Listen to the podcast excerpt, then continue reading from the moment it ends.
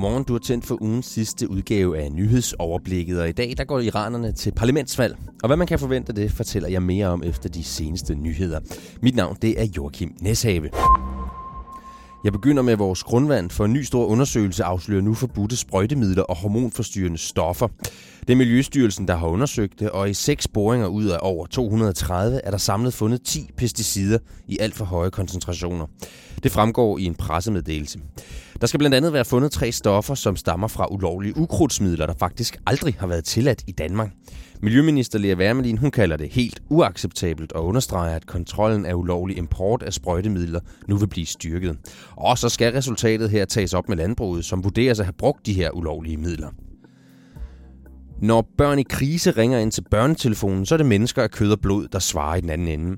Men øh, fremover får de ca. 500 frivillige rådgivere bag tjenesten, der drives af børns vilkår, en hjælpende hånd fra den nyeste teknologi.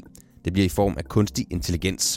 Her skal en computer blandt andet være med på sidelinjen, når en rådgiver kommunikerer med et barn. Det fortæller Rasmus Keldahl, der er direktør i Børns Vilkår, som står bag. Kan vi få kunstig intelligens til at reducere tidsforbruget til sådan lidt mere rutinepræget ting som registrering og informationssøgning, jamen så kan vi også få flere børn igennem og på den måde få en endnu bedre børnetelefon. Den kunstige intelligens skal blandt andet også være med til at opfange børns problemer, selvom de måske ikke siger det lige ud til den rådgiver, de har i røret, lyder det. I hver gymnasieklasse sidder der i snit en elev, der i løbet af det seneste år har oplevet, at andre har delt seksuelle billeder eller videoer af dem uden at få lov. Samtidig sidder der to til tre, der inden for det seneste år har oplevet at modtage et seksuelt billede eller en video af andre, som er delt uden samtykke. Det viser undersøgelsen Ung 19, der er udført af forskere på Statens Institut for Folkesundhed ifølge politikken. Gymnasieeleverne de er blevet spurgt til, hvad de har sendt og modtaget digitalt gennem de seneste 12 måneder. Og at tallene er så høje, det er skræmmende, mener Christian Mogensen, der er ungekonsulent på Center for Digital Pædagogik.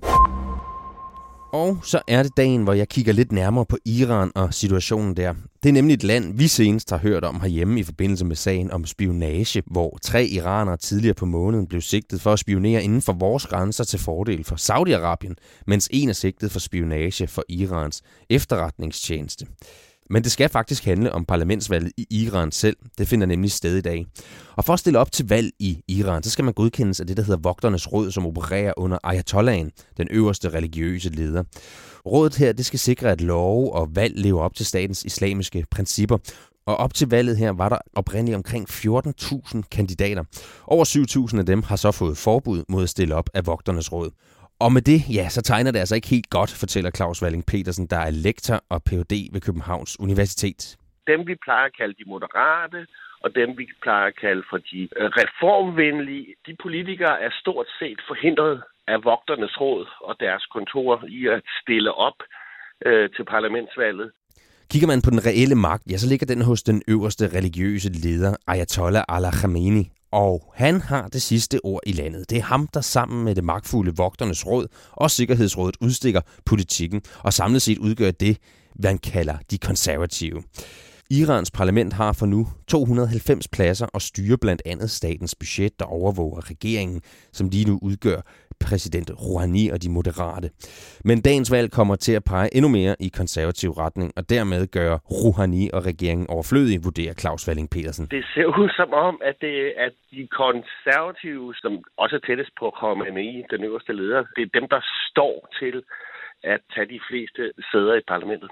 Og mens præsident Rouhani har stået for en mere internationalt orienteret retning, så vil et endnu mere konservativt parlament bidrage til mere uro for det i forvejen konfliktomsuste land.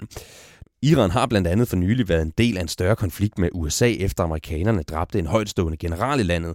Det førte blandt andet til et hævnangreb på amerikanske baser i Irak, hvor også danske soldater er udstationeret efter min mening vil det skabe øget konflikt imellem Iran og det internationale samfund, inklusiv os jo, ikke? Og den iranske befolkning kommer til at betale prisen, altså både økonomisk og politisk. Derudover så er befolkningen i landet godt og grundigt træt af at blive ført bag lyset og holdt for nar, lyder det fra Claus Walling Petersen. Jeg spår altså en historisk lav valgdeltagelse. At man er så træt af systemet, man er træt af, at systemet lyver for, for en. Altså plus, at mange af de moderate og de reformvenlige parlamentkandidater jo er forhindret i at, at stille op. Jeg, jeg tror faktisk, at der, der kommer en meget, meget lav øh, stemmeprocent. Og tre øvrige historier, du kan holde øje med i dag. I Storbritannien skal partiet Labour finde ny formand. Det sker efter Jeremy Corbyn valgte at trække sig efter det dårlige valg i december sidste år. Fra i dag kan medlemmerne af partiet dermed stemme og rangere alle kandidaterne frem til den 2. april, hvor afstemningen slutter. I EU blev der ikke gjort store fremskridt i arbejdet med at lande en ny budgetaftale. Det siger Hollands premierminister efter et timelangt møde med de andre såkaldte sparlande Danmark, Sverige og Østrig samt EU's præsident. Og i dag kl. 10 mødes alle medlemslandene så igen med EU-præsidenten for at forhandle videre om det kommende EU-budget. Og så er det i aften, at vi kan tænde for årets første udgave af X-Factor Live-udsendelserne.